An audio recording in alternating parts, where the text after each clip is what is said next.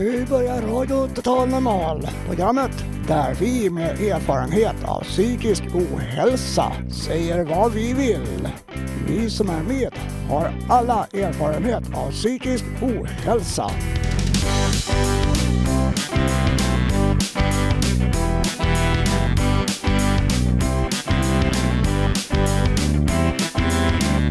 Du lyssnar på Radio Total Normal 101,1 MHz. Totalt normalt. Radio Total Normal. Torsdagar från två till halv fyra. Vi livesänder med publik från Götgatan 38 i Stockholm. Kom hit och lyssna. Här är alla röster lika värda.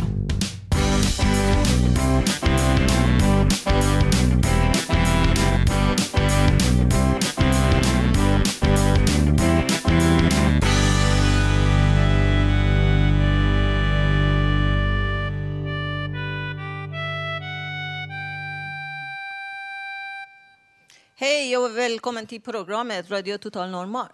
Nu är vi två eh, programledare idag. Det är jag som heter Parva och Janne sitter här bredvid mig.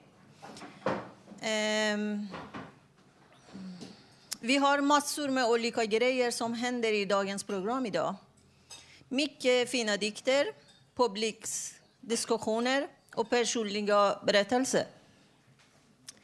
Eh, Vår medarbetare Lisa har gjort en reportage från ett HV, HVB-hem. Det enda ungdomshemmet i hela Sverige som fick godkänd i Socialstyrelsens kontroll. Ulf Torell läser sin dikt om tiden och dagen och den som händer runt omkring oss. Jag själv, Parva, ska prata om julen.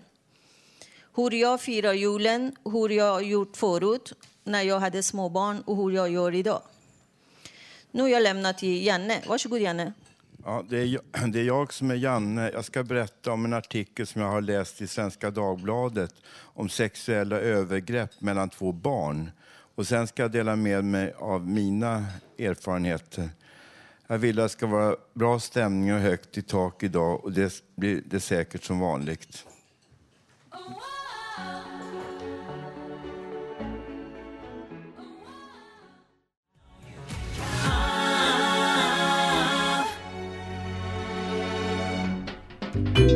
Poesi i Radio Total Normal. Ja, hej igen. Nu ska vi höra en av eh, Karin Lundgrens dikter. Och den heter Ur minnens skogar. Hon skrev dikten när hon var 16 år och läser den själv till oss. Varsågod.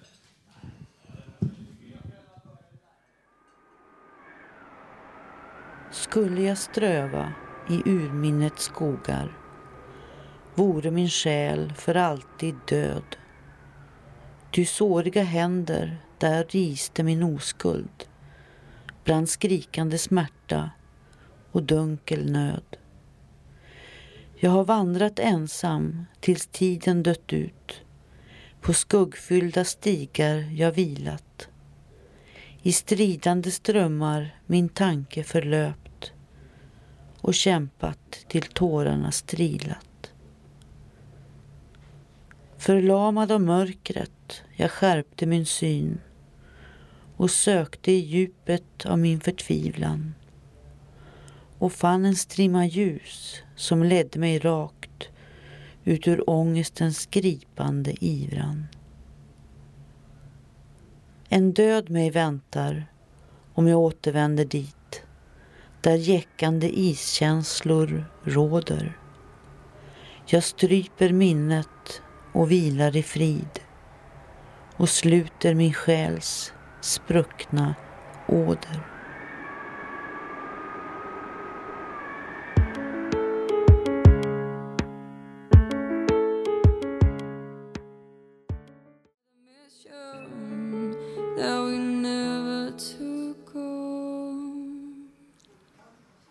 Ja, eh, det är fortfarande Radio Total Normal som sänder från Götgatan 38 på Södermalm i Stockholm. Nu har vi ett påa här, Lisas inslag, vård av om, omhändertagna ungdomar. Sverige är det land i världen som omhändertar flest barn och ungdomar per befolkning. Och, mång och många av dessa ungdomar som hamnar på behandlingshem, så kallade HVB-hem, hem för vård och boende. En vård som fått mycket kritik på sistone, bland annat i media. Och många vittnar om mycket dåliga förhållanden inom HVB-hemmen och att den så kallade vården istället för att hjälpa ungdomarna kan få dem att må väldigt dåligt. Ett problem är att det väldigt sällan görs en ordentlig utvärdering och uppföljning av vården och ingen vet därför hur bra eller dåligt den fungerar. Vår medarbetare Lisa har träffat Lisbeth Knudsen som arbetar på Maglungen. Maglungens behandlingshem är ett privat ungdomshem på Södermalm i Stockholm och är ett av få hem som fått godkänt av Socialstyrelsen för att de jobbar med att följa upp hur det har gått för ungdomarna som de har behandlat. Vilka sorts ungdomar tar ni emot här? Vi tar emot en ganska, en ganska blandad grupp, en bred grupp. Många av våra ungdomar har en psykisk skörhet, sårbarhet, kommer också från barn och ungdomspsykiatrin.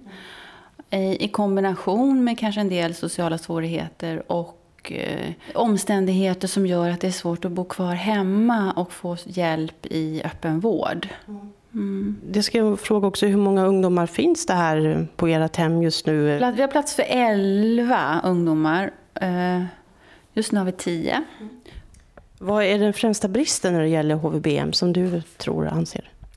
De svårigheter som kan finnas på ett behandlingshem är ju att eh, ungdomar kan påverka varandra negativt. Precis som de kan påverka varandra positivt också, stötta varandra i sin utveckling. Andra brister eller svårigheter kan kanske vara att, att man har en för strikt modell som ungdomarna ska passa in i. Och att det kan vara svårt att eh, individanpassa behandlingen, vilket jag tycker att man behöver göra ganska mycket för att varje människa är så pass unik. Att det är svårt att tänka att, att det finns en modell eller en behandling som fungerar på alla. Eh, är det till någon skada att ett behandlingshem är vinstdrivande? Nej, det tycker inte jag. Jag tycker tvärtom. Jag tycker att eh, för att ett företag ska överleva, som det här ändå är, så måste det, man gå med en viss vinst. Det är en säkerhet för att här, den här verksamheten ska kunna fortsätta, mm. även om det går dåligt under en period. Mm. Och det är också viktigt att utveckla eh, personalen, att personalen får utbilda sig eller ut, utveckla nya metoder och gå kurser och i olika metoder. Mm. Så då återinvesterar man ju på något vis i, i verksamheten som också kommer ungdomarna till godo. Och jag, jag tror att det är viktigt att hålla kvar vid att en, en, en viss vinst måste man liksom ändå generera. Annars eh, så är det svårt att överleva. Att, och det är inte per definition så att eh, om man inte går med någon vinst att, att det skulle per, per automatik betyda att det är en bra verksamhet. Det finns egentligen ingen sån koppling. Precis som det finns lika lite koppling att, att gå med, med mycket vinst mm, inte skulle vara någon bra liksom, behandling. Utan jag tror att man kan göra både och. Ni är det enda HVB-hemmet som fick godkänt av Socialstyrelsen. Hur tror du det kommer sig? Mm. De lyfter fram Magelungen när det gäller forskning och utvärdering. Och jag tror att det är det man tänker på när man pratar om godkänt. Men just när det gäller utvärdering så, så är det ett eftersatt område som många behandlingshem eh, har svårt, tror jag, att få till. Det, det är svårt att, att utvärdera den här vården, precis som som mycket annan vård och behandling överhuvudtaget. Man vet egentligen väldigt lite om vilket resultat de här olika behandlingshemmen ger. Och det skulle man behöva lägga mycket, mycket mera kraft på att utforska. Mm. Men, men vi har satsat ganska mycket på att titta på resultat och följa upp de behandlingarna som vi har gjort. Vad är det viktigaste att tänka på i vården av unga? Eh, det ska man ju fråga ungdomarna själva om mm. egentligen. eh, Vad tror du, hur, du som har jobbat här, hur, hur du ser det? Jag tänker att det är jätteviktigt att de här ungdomarna känner sig respekterade mm. av de vuxna. Att vi ser dem och eh, förstår dem, förstår deras både behov och svårigheter men också se deras resurser och förmågor. Eh, att man eh, lyssnar på dem tycker jag är jätteviktigt. Mm. Att vara på behandlingshem är en ganska omfattande insats egentligen. Ett ganska stort ingrepp i en ung människas liv. Att komma på ett behandlingshem. Men i vissa fall kommer det att behövas. Och jag tror att det är jätteviktigt att, eh, att den här HVB-vården får fortsätta att finnas. Och jag välkomnar en fortsatt granskning av HVB-vården. Det tycker jag är viktigt. Men, men jag vill också att, den ska vara, att debatten ska vara mer nyanserad. Jag tycker att den blir lite svartvit idag. För många av de här ungdomarna så, så finns det kanske faktiskt inget annat alternativ än att vara på ett behandlingshem. Så jag tror att det är jätteviktigt att, att, att behandlingshem får fortsätta att finnas. Det, det tror jag. Ja, ja, hej eh, igen. Nu ska jag berätta, jag heter Janne, jag ska själv berätta om mina erfarenheter då av någonting som heter ungdomskliniken, eller Västerängskliniken på Långbro sjukhus, där jag fick vara ett antal år där när jag mådde mycket dåligt, från 18-årsåldern till ungefär när jag var 20. Och där hade vi då fyra avdelningar, U1, U2, U3 och U4. Och jag var först på U3 och det var en, en veckoavdelning. Det innebar att man var där måndag till fredag och sen åkte man på permission och var, var hos, eh, utanför då, kliniken på helgerna och man fick åka fram och tillbaka då så att man inte tappade bort kontakten med eh, världen utanför så att säga. Och eh, då hade vi väldigt bra, det var, vi var cirka eh, ti, eh, jag tror det var 10-12 ungdomar på varje avdelning och eh, det var, gick två personal på varje ungdom. Och eh, det var en väldigt avancerad klinik. Vi hade arbetsterapi, eh, fru, frukost och sen eh, på förmiddagarna fick vi inte vara på avdelningen. Alla skulle in på, på arbetsterapin och jobba. Och var man inte på arbetsterapin fick man varken kaffe eller saft och bullar. Och eh, då var det väldigt fin arbetsterapi, textil och så var det eh, träslöjd och metallslöjd. Och vi hade en skola där jag fick chansen att läsa franska och spanska och så en väldigt trevlig äldre lärare. Och sen fick jag hjälp även med matematik på eh, en skola, Långbrodalskolan. Och jag gick ju där då och sen gick jag, började läsa då på Tekniska gymnasiet, Ås gymnasium. Fick jättebra eh, stöd från kliniken. Underbara människor. Och jag kände verkligen att jag kunde bli jättefrisk och eh, stark från det. Och eh, det har hjälpt mig mycket. Och det var nog bland de bästa kliniker som överhuvudtaget har funnits. Och jag blev ganska ledsen och kände mig kränkt när jag var återbesökte Långbro förra året tillsammans med en frilansjournalist. Och då hade man rivit just den kliniken som var bäst på hela sjukhuset. Och, men jag vill bara tala om att det har funnits och det finns säkert många kliniker som är väldigt bra för ungdomar som har haft det trassligt. Tack för ordet. Nu vill jag fråga eh, publiken om ni har egna erfarenheter eh, och eller kommentarer om det här. Då eh, ungdomspsykiatri. Eller no, Karin, okay. Karin har... Jag blir lite upprörd när jag hör det här, eh, den här intervjun eh, som eh, på något sätt glorifierar det här med att man gör geschäft av alltså affärer, tjänar pengar på barn och ungdomars psykiska ohälsa. Det tycker jag är helt oetiskt. Och sen vill jag också säga att det är 20 000 barn och ungdomar under 18 år som är tvångsomhändertagna i Sverige idag. Och det är mest i hela världen om man jämför med andra länder.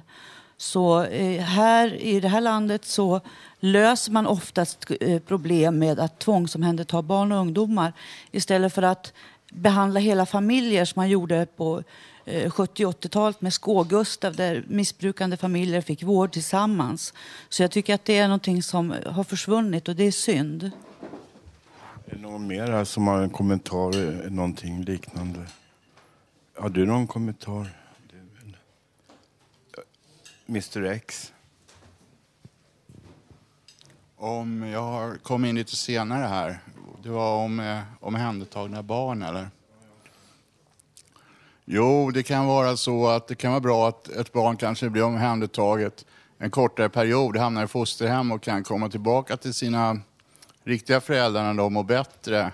Eller om barnet blir kvar, att eh, föräldrarna kan besöka det under hela dess uppväxt.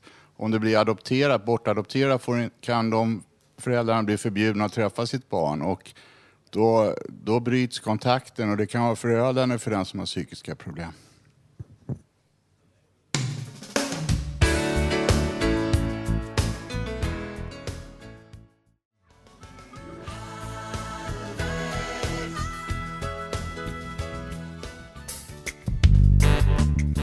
Direktsänd radioshow producerat av oss med erfarenhet av psykisk ohälsa.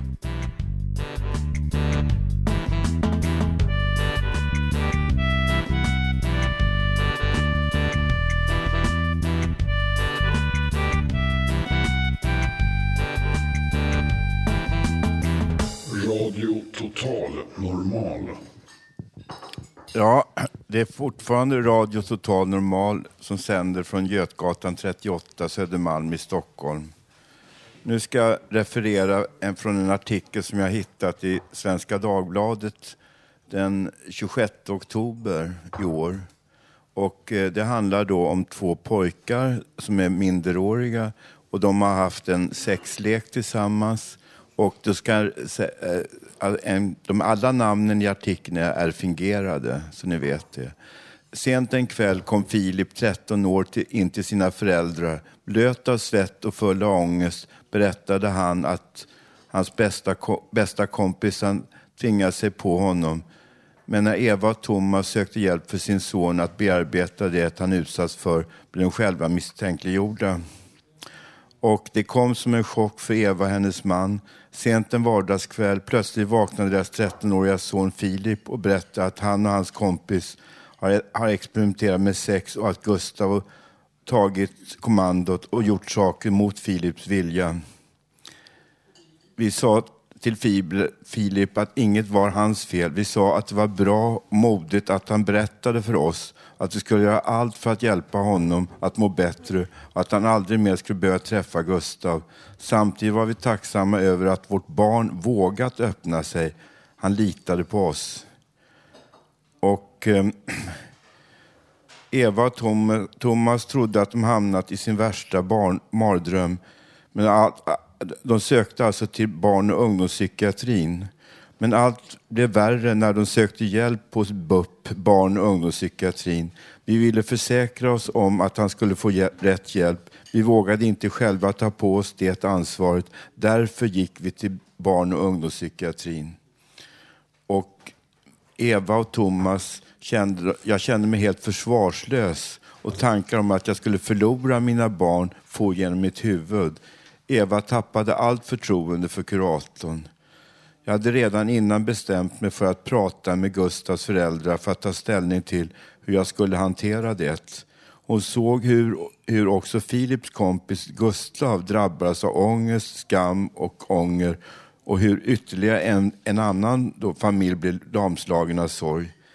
De vävde en mental kokong runt sig och små och sina barn och började läkningsprocessen hemma bakom stängda dörrar. Det var, det var allt. Eva menar att känslan kan liknas med att ha blivit misshandlad och dumpad vid vägkanten. Och då har vi då en, en verksamhetschef som het, eh, vars namn är Sten Lundqvist som säger då att så här okänsligt får det inte gå till. Uppenbarligen har föräldrarna känt sig överkörda i en svår situation. Och nu kan refererar referera till hur man ska göra när man, ens barn har blivit utsatt för ett sånt här svårt övergrepp. Man misstänker att ens barn har blivit utsatt för övergrepp eller om barnet självt berättar ska man få hjälp vart man än vänder sig. Alla eh, instanser är skyldiga att erbjuda barnet och föräldrarna hjälp. Eh, I värsta fall, eh, eh om man är akut, ska man vända sig då till socialtjänsten, barn och ungdomspsykiatrin eller om det är mycket akut, till, ja, om det är akut till polisen. Det spelar ingen roll. Föräldrarna hamnar nästan alltid själva i kris och det ska finnas folk som kan stötta dem. Om barnet vågar berätta en sån här sak visar det på förtroende och trygghet. Prognosen för barn som själva berättar om övergrepp är väldigt god. De klarar sig ofta bra ur krisen. Det är värre för dem som behåller hemligheten för sig själva. Och där kan jag säga att det är jag, Janne, har själv råkat ut för det sistnämnda. Alltså det är värre för dem som behåller hemligheten för sig själva. Jag är en av dem som har gjort det. Därför blev jag sjuk sen när jag var 17-18. Och eh, man kan säga så här då att barn och ungdomspsykiatrin har skyldighet enligt socialtjänsten att anmäla missgrepp, misstänkta övergrepp till eh, alla myndigheter. Och eh, det finns alltså hjälp att få och eh, man, man ska vara lyhörd för sina barn. Man ska tro på vad barn säger. Barn har inte, som vi vuxna, kan inte fantisera ihop någonting sådär. Och man, eh, barn som är apatiska är också barn. De, de säger sanningen. Man kan inte, eh, barn kan inte fantisera ihop såna här enorma saker själva, utan det är sant det de säger. Man ska ta barn på allvar, det de säger. Tack för ordet.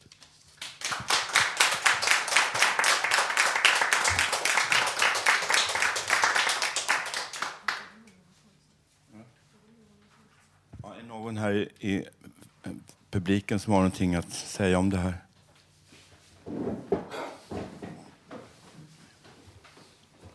Varsågod. Ja, det här som vi hörde nu om den här föräldrarna som tog tag i det här och löste det genom det här. Jag önskar att många föräldrar som totalt struntar att ta hand om det. Och så att barnen blir sämre och sämre och till själv så blir de inneslutna i sig själva. Och inte minst de som kan hjälp, ge hjälpen. Tala om klartext vad ni kan göra för att underlätta för dem som har den svårigheten. Både till vuxna och barn som kanske inte alltid kan prata om sina problem med föräldrarna. De nonchalerar dem och säger att ja, ja, ja, där, det ordnar sig, det ordnar sig, det ordnar sig. Så går barnen där och frågar ja, hur katten ska jag ta, klara av det? Så föräldrar, skärp er och lyssna på barnen ta dem på allvar och inte bara tänka på er själva för det är mycket egoistiskt. Ja, det är bland det smutsigaste man kan vara, en, en kar karl kan vara med om. Det är både mannens roll är ju att man ska ta hand om samhället och kunna försvara dem runt oss, dem runt sig. Eh, mycket mer avancerad är faktiskt inte människan, även om samhället tar hand om lite av de här sakerna nu, ändå mer än det var förut. Men det är, det är, det är väl så att, att det är... Ja, okej. Okay jag kan ju säga så här, det är inte, jag är inte ensam i världen med det här. Det jag har sett på tv om det här och det är många människor, många karlar och män i min ålder, både yngre och äldre och, och jämnåriga med mig, som har varit med och utsatta för det här då, i smyg så att säga. Och då har de renderat dem också någon form av sjukdom, då, psykisk sjukdom, schizofrenier och så vidare. Så att det blir ett lidande den människan livet ut och det är så det ligger till. Tack.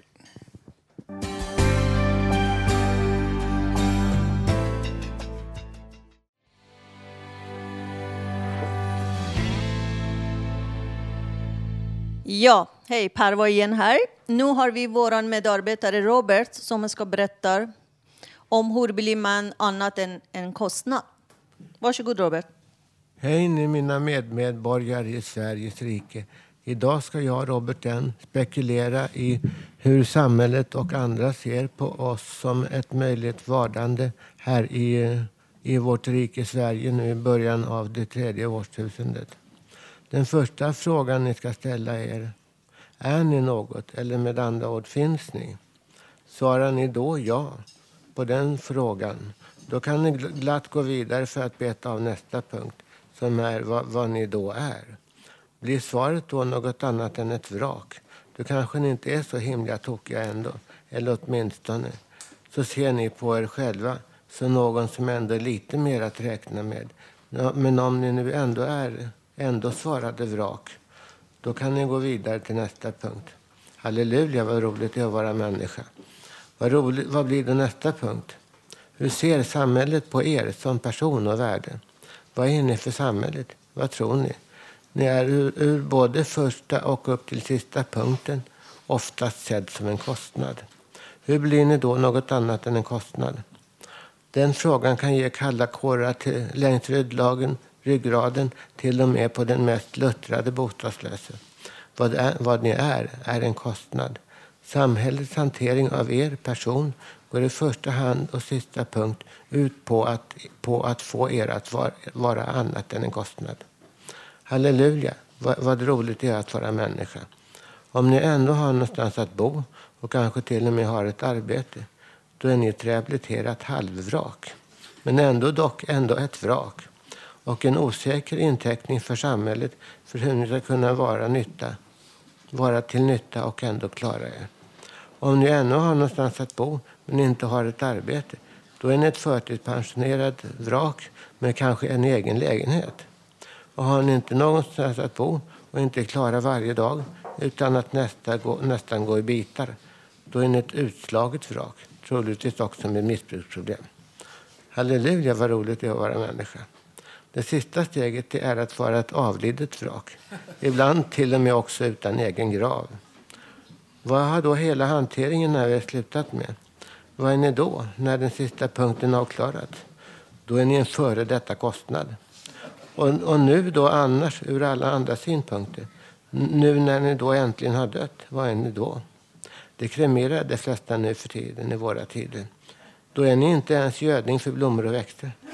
Ni har gått från att vara en, kanske en vandrande par parfymbomb, sedd som obekväm överallt. Ni är nu det mest rena som finns. Men med bara lite mer av den egna fantastiska tur. den tur som, som i så mycket kommer att prägla ert liv.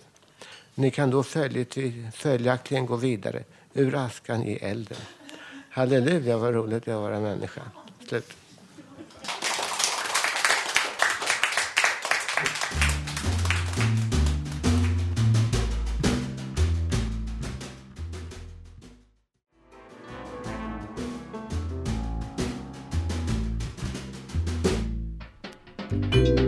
Poesi i Radio Total Normal. Radio Total Normal. Nu ska vår kära medarbetare i Radio Total Normal, Ulf Torell, läsa sin egen dikt. Kanske morgonen röda, midsommar och juni. Det var oktober, höst, mars var vinter. Snö för Hammarbyhöjden. Idag är fredag. För, förra månaden var september ja, 56. Ett fartyg var på resa 69 till 70. En båt kom till Atlanten, Panamakanalen. Jag var bland annat i Hamburg, Tyskland, Antwerpen, Belgien. Jag var dessutom en tid på en Sydamerika. Jag såg Europa, en ö. Nu är 2009. Igår torsdag. Vindblåser kanske nästa månad, november. April var man vår, vår, april man var vår i år. Och 23 oktober, fredag.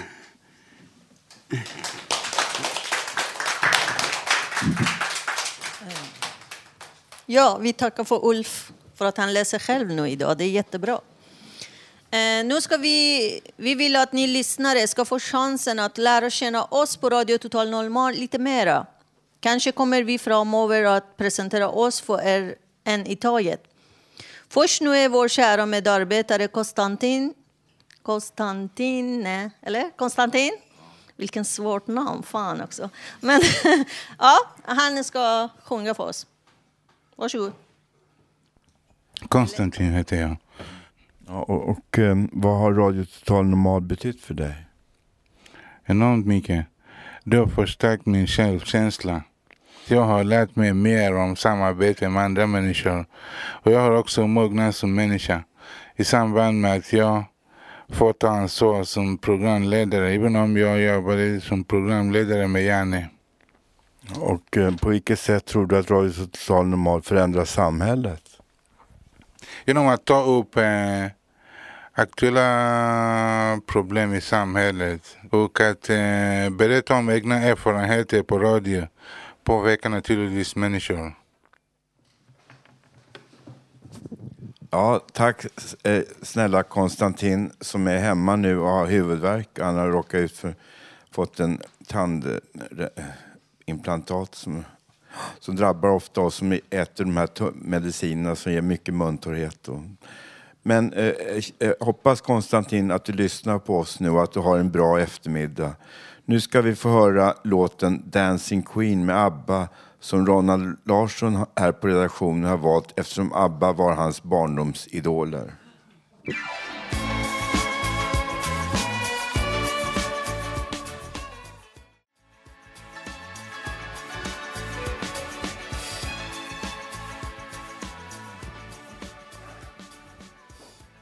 Ja, nu ska, ska systrarna Sisters, Lillemor och Ann-Marie Risberger eh, sjunga eller någonting. Ja. presentera. Presentera en Burken tror jag det var. Leif Burken Björk. Leif Burken Björk. Ja, det är alltså eh, en legend vi ska presentera här idag som vi har känt i över 35 år. Leif Burken Björklund började spela på Nalen som 20-åring med dragspel, olika rockcovers.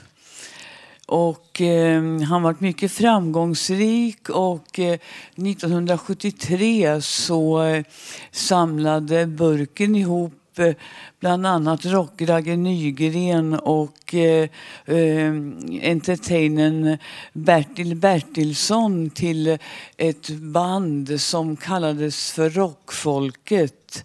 Vi lärde känna Burken och rockfolket 1975 på en spelning i Norrköping.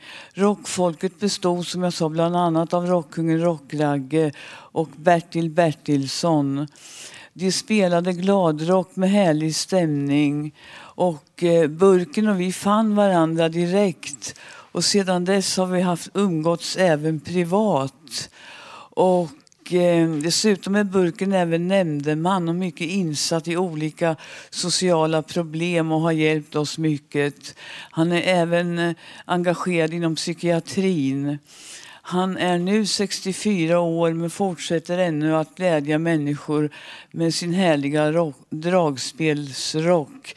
Och här kommer ett spår i, med Leif Burken Björklund och vi hälsar till dig Burken. Hoppas att du hör det här. Och den låten ni nu kommer att få höra, det, var gitarr, det är gitarristen i hans nuvarande band Micke Areklev som spelar den härliga rockboogie.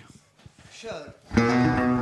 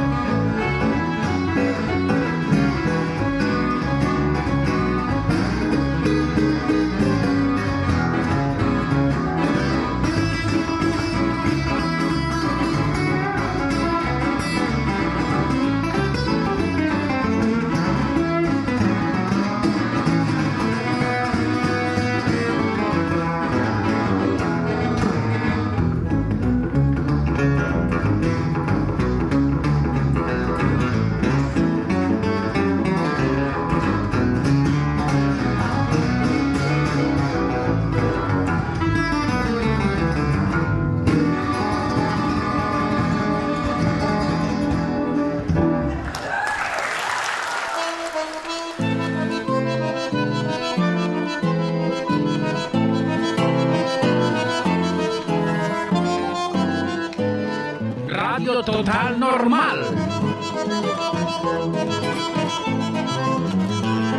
Sönder över hela galaxen.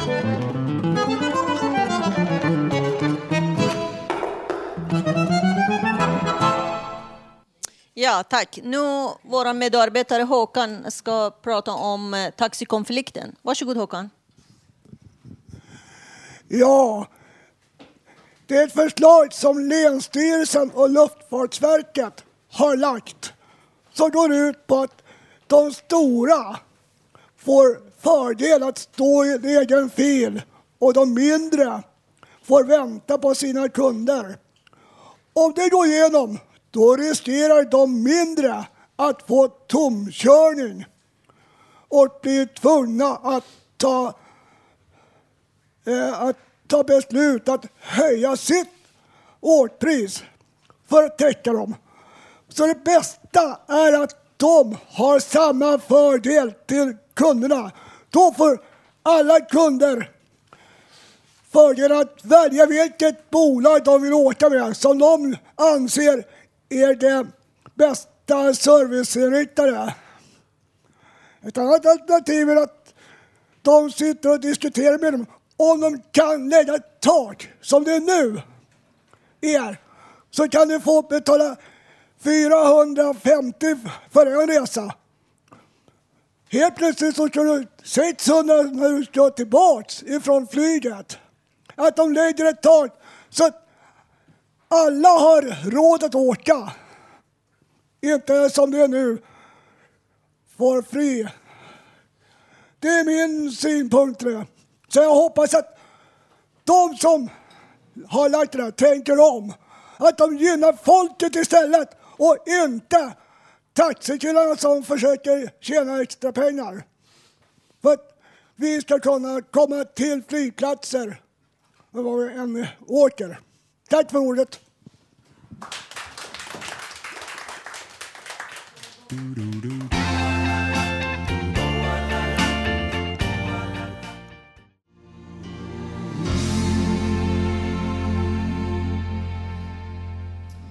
Ja, hej, nu är här Parva igen. Nu ska jag läsa något som jag har skrivit själv idag om julen. Ja, eh, snart är jul, mindre än två månader. Ute i affärerna och köpcentrum är mycket fina och dyra grejer. Jag brukar tänka tillbaks för att kunna tänka framåt. Först tänkte på min dotter som denna år är inte här i Sverige. Men hon lovade mig att komma hem till julen. När jag tänker på henne saknaden gör mig ledsen. Kände att nej, jag är inte glad. Jag vill inte fira julen. Inte denna år. Jag orkar inte det. Vad har jag för att vara glad över? Ingen jobb, inga inkomster som alla andra. Inga julhelger som alla andra. Men ändå lever jag och går i skolan och kämpar för att lära mig något nytt, för att hitta ett jobb som passar min rygg. Som blev knäckt i Apoteket AB och undersköterska som jag har jobbat nästan hela södra Stockholm sedan 96. Men nu i helgen när jag var ledig och ensam hemma klädde en träd som jag köpte i våras när jag kunde inte hälsa på min mamma och bröderna. När saknaden till dem gör livet svårt för mig. Klädde träden med det jag hade som sparat i många år som firade julen med mina små barn. Bara vi tre. Satt svenska flaggan också där. Flaggan som jag har känt som ger mig stolt att jag lever i ett land som jag får vara som jag vill. Fast på arbetsplatserna tycker inte de om mina tankar och har ingen plats där. När säger att det är dålig arbetsmiljö och mobbning som skriker på jobbet. Jag saknar mina klasskamrater som jag har inte sett i tre veckor. Det känns att de är mina nya familj, mina vänner, mina barn. Och hoppas snart lovet är över och vi ses och jobbar tillsammans i skolan. Har köpt lite små julklappar och tänker ge dem som kommer hem till mig. De som förstår hur det känns att vara ensam mamma, invandrare, arbetssökande, studerande och allt som gör en isolerad, sjuk och utanför samhället. Men vänner, ge er inte upp. Fast jag gör själv ibland. Men vill ändå inte se något som mår inte bra. Som lider som jag har gjort. Livet kan inte alltid räknas med pengar och makt Och kan inte alltid vissa personer bygga värsta hus och bastu hemma med våra skattepengar.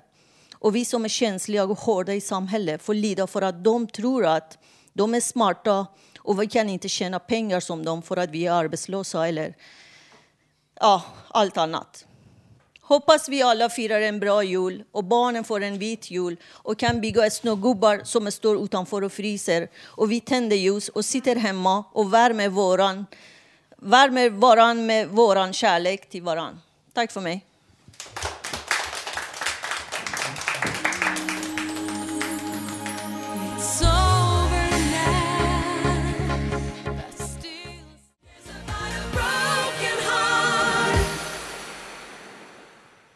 Ja, hej, här är Parva igen och ni ska lyssna på Vallo här. Varsågod Vallo.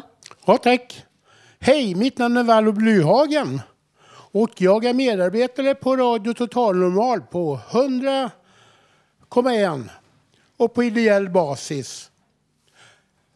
Jag är en pigg pensionär på 66 år.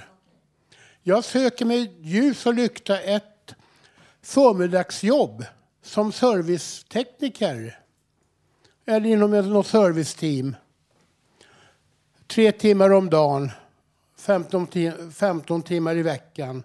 Mellan 8.30 och 11.30 måndag till fredag. Körkort finns, referenser finns.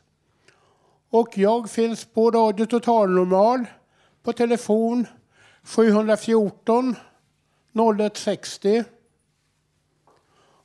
Och Jag behöver stadga upp min ekonomi. Och att känna sig behövd så mår man bättre i tillvaron.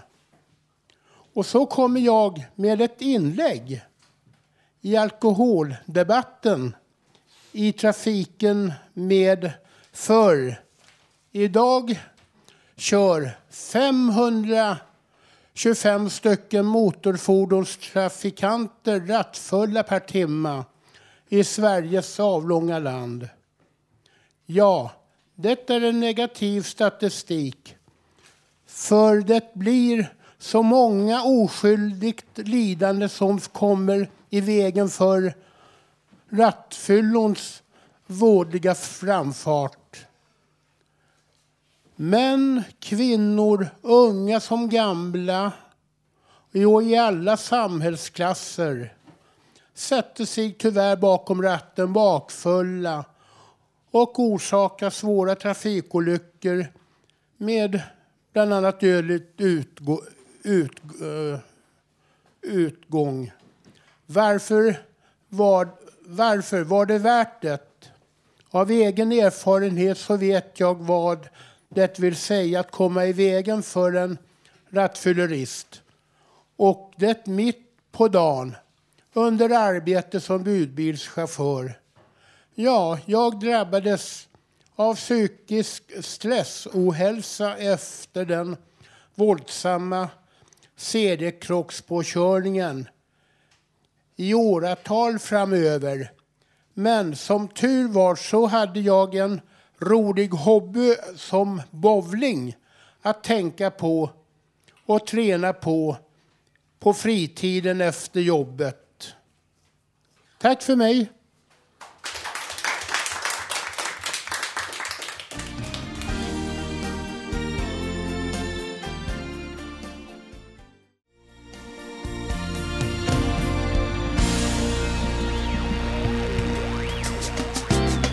Radio Total Normal. Osensurerad direktsänd radioshow av psykiskt starka och sköra människor. Våra röster är också viktiga.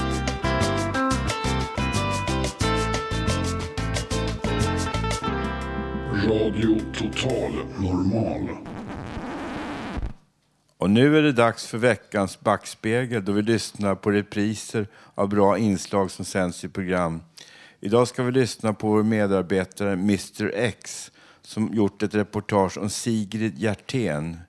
Sigrid som från att ha varit en firad konstnärinna gift med Isak Grünewald slutade som mentalpatient inom citationstecken på Beckomberga sjukhus där hon avled när hennes hjärna förblödde under en lobotomering i slutet av 40-talet. Gå in här genom glasdörrarna här. Här är vi inne i stora hallen. Man kommer in här bland kolonnerna och, här är Sigrid Hjertén. Ja, här står vi framför en, vad ska man säga, en nakenmålning kan man säga utav en kvinna och eh, det är en annan kvinna där som syns i bakgrunden också. Det här är tydligen målat 1912. Och det är långt kvar till 1948 då hon blev, ja, utsattes för lobotomering och avled. Hon hade psykiska problem då och blev intagen på Beckomberga och lobotomerad där. Här framställer man en av Sveriges främsta konstnärer utan att tala om att man mer eller mindre mördade henne. Det är, det är hårt. Också för Sverige som kulturland att eh, stå för det där. Det är det jag känner när jag ser den här.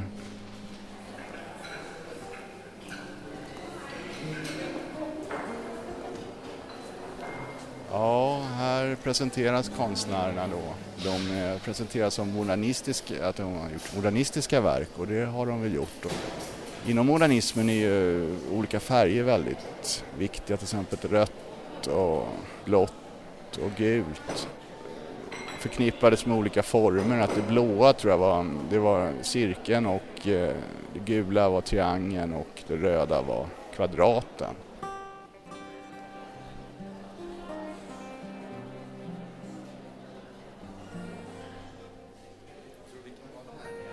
Ja, nu går vi ner för trappan här i källarlokalerna. Ska vi få en liten intervju, ställa några frågor. Eh, Då är första frågan här, jag tänkte fråga lite grann om varför just de här konstnärerna? Så de här konstnärerna betytt otroligt mycket för modernismens genombrott i Sverige. Särskilt Sigrid Hjertén. Jag ville visa dem för jag tycker de är, hör till de absolut bästa av våra moderna målare då. Det, hon var, henne, hennes liv var i tre delar. Dels elev hos Matisse i Paris, hon var mamma och fru och hon fick lida av psykisk ohälsa. Det måste vara väldigt svårt att kunna förena de tre olika, ska man säga, punkter där. Jo, det var det säkert. Eh, hon, eh, eh, hon var ju ensam kvinna också i det här manliga avantgardet. Alltså hon var ju en, en av de få. Hon var eh, ensam mamma. Hon hade Isaks eh, systrar. De ställde upp och passade barnen, barnet Ivan väldigt ofta. Så visst fick hon måla och hon ville måla. Det var det som var det viktiga för henne. Vet att Sigrid Hjertén utsattes för lobotomi på Beckomberga sjukhus? Ja, oh ja, det vet jag. Jag har gjort en film om det eh, och har forskat mycket i det. Det var ju en misslyckad operation och varför hon lobotomerades i, i, hölt i dunkel. Mycket av hennes sjukdom, den, den, vad jag tror, för jag har hållit på rätt mycket med detta, och det är att det här kom ur att Sigrid eh, var skör och, och, och blev, eh, blev då eh, oerhört hårt attackerad.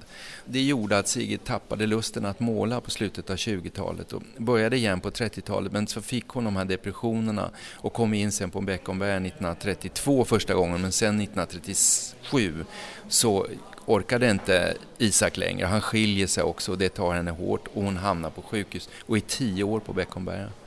Och det är ju sorgligt, hon slutar måla alltså 1938. Men det tar inte jag upp i utställningen utan jag slutar 1918 så man kan säga att den här epoken då som utställningen ut, ut, utspelar sig, det är 1910 till 18. Ja, ja, och det, du eh, tänker då på deras eh, banbrytande här inom konsten och vill inte göra en livsbiografi över de här konstnärerna. Utan det är, det är ju en, en kort period, men det är deras bästa period.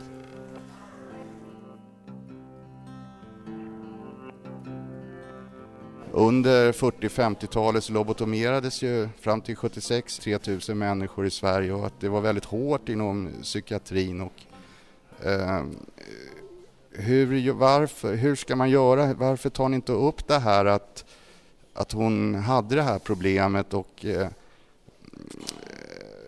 hur man ska hantera den här, den här delen av svensk historia? För det kommer ju utländska besökare och diplomater och så. Hur ska man göra? Kan man sopa det här under mattan, just det här du sa om det här? Ja, alltså, nu skulle man inte bara se utställningen, du skulle se min film. Den är otroligt stark, för den handlar om detta. Halva filmen handlar om Sigrids problem. Och jag har också skrivit en bok som finns där uppe, som tar upp just detta. Genom att utställningen går till 1918 historiskt, va, så, så tar jag inte upp det själva. Det har inte några säga, målningar som är gjorda på sjukhuset här. Och att den här lobotomeringen gjordes, det är, jag har kallat att man mördade henne. Vi har faktiskt tagit med det. Jag har sagt att hon blev mer eller mindre mördad så du har tagit ordet ur min mun här. Men hur gör man för att eh, visa på hela människan att hon kanske, som jag pratade om, hon hade ju varit mamma och hon, hon var ju konstnärinna och sen så hade hon ju den här sjukdomen då. Men att hur är hon som en hel människa? Ska man inte framställa hennes positiva sidor också? Bara för att man har en sjukdom så kan man väl vara en riktigt skicklig konstnär. Skulle det inte vara bättre om hon hade fått måla vidare in på 50-talet? Jo, självklart. Det var 30 procent som dog i de här lobotomeringarna. Hon lobotomerades 1948 och då hade man ju precis börjat. Hur är det då när man ser just, nu har vi pratat om hennes psykiska ohälsa, men eftersom man har gått ut så mycket i media och han har valt det själv så har ju Erland Kullberg gått ut med att han har psykiska problem. Hur skulle du ställa dig till att eh, presentera honom om du skulle göra en utställning med en, eh, kanske honom eller någon annan person i samma situation idag för att undvika det här? Ja, jag skulle väl det Det tycker jag inget att smyga med att man har, uh, har haft en, en psykisk sjuk eller om man nu är botad eller om man har... Så det finns väl ingen anledning att man ska sopa det under mattan. Det är precis som man har brutit ett ben eller någonting. Jag, jag ser ingen skillnad. Alltså jag, jag menar så att eh, det behöver inte för konsten... Jag har gjort en film om Carl Fredrik Hill. Jag har skrivit om Carl Fredrik Hill som hade schizofreni också. En fantastisk målare. Och också under sin sjukdom. Han målade ju under hela sin sjukdom precis som Ernst Josefsson. Och de, de, de, har ju inte, de anses ju inte sämre målare för det. Ja, man sa på eh, ofta i pressen att det som hände det här med lobotomeringar och steriliseringar att det var den bästa metoden man hade för att lösa problem med psykisk ohälsa för att ut, eh, forskningen har inte kommit längre. Men då kan man ju säga att det tyskarna gjorde i, på 40-talet var den bästa metoden för att lösa problemet med genetiskt underlägsna. Har du någon kommentar till det? Ja, jag tycker det kan man jämföra ungefär för att jag är otroligt kritisk mot lobotomering. Och jag har sett så mycket eh, och läst om det väldigt mycket att det var ju ett stort misslyckande. Att man sen också fick Nobelpris i medicin är ju förskräckligt. Va? När man efteråt så här försöker försvara det tycker jag att man inte kan försvara det. För jag tycker det är en otroligt klumpig metod. Och det var ju, för det mesta så, så blev det ju, gick det ju galet på något vis. Man räddade, och vad man gjorde, jag läste ett rätt intressant brev från en läkare som sa, jo man gjorde det för att få lugnare på sjukhusen för de anställda. Det tycker jag är fantastiskt. Att man offrar människoliv för att de anställda ska få det lugnare på sjukhusen. Ja, fruktansvärt, men eh, ja, nu har vi... Vi hoppas att det här blir ett intressant program och vi har väl börjat en debatt kan man väl säga.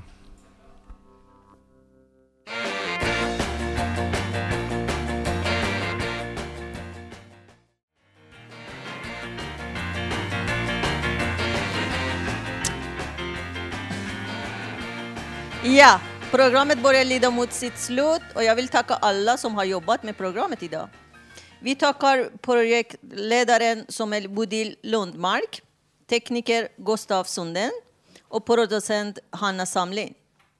Musiken är vald av Håkan Eriksson. Eh, gå gärna på vår hemsida och skriv till oss eller lyssna på programmet i efterhand på nätet. Vi tackar alla som har lyssnat hemma och här i publiken. Och självklart också ett stort tack till alla som har medverkat i programmet med sina inslag. Tack. Och vi som, och vi som har varit programledare i dagens sändning är Parva och Janne. Trots att vi sänder radio här och att det alltså är ord vi jobbar med vill jag ändå ge er en uppmaning. Skriv dina gärningar i sten och dina ord i lösan sand. Man kan vara stolt över det man har gjort och då behöver man inte säga det. Det är någon sorts kinesisk visdom det där med att om man är ödmjuk kan man vara stolt och för att kunna vara stolt måste man vara ödmjuk. Det ena ger det andra.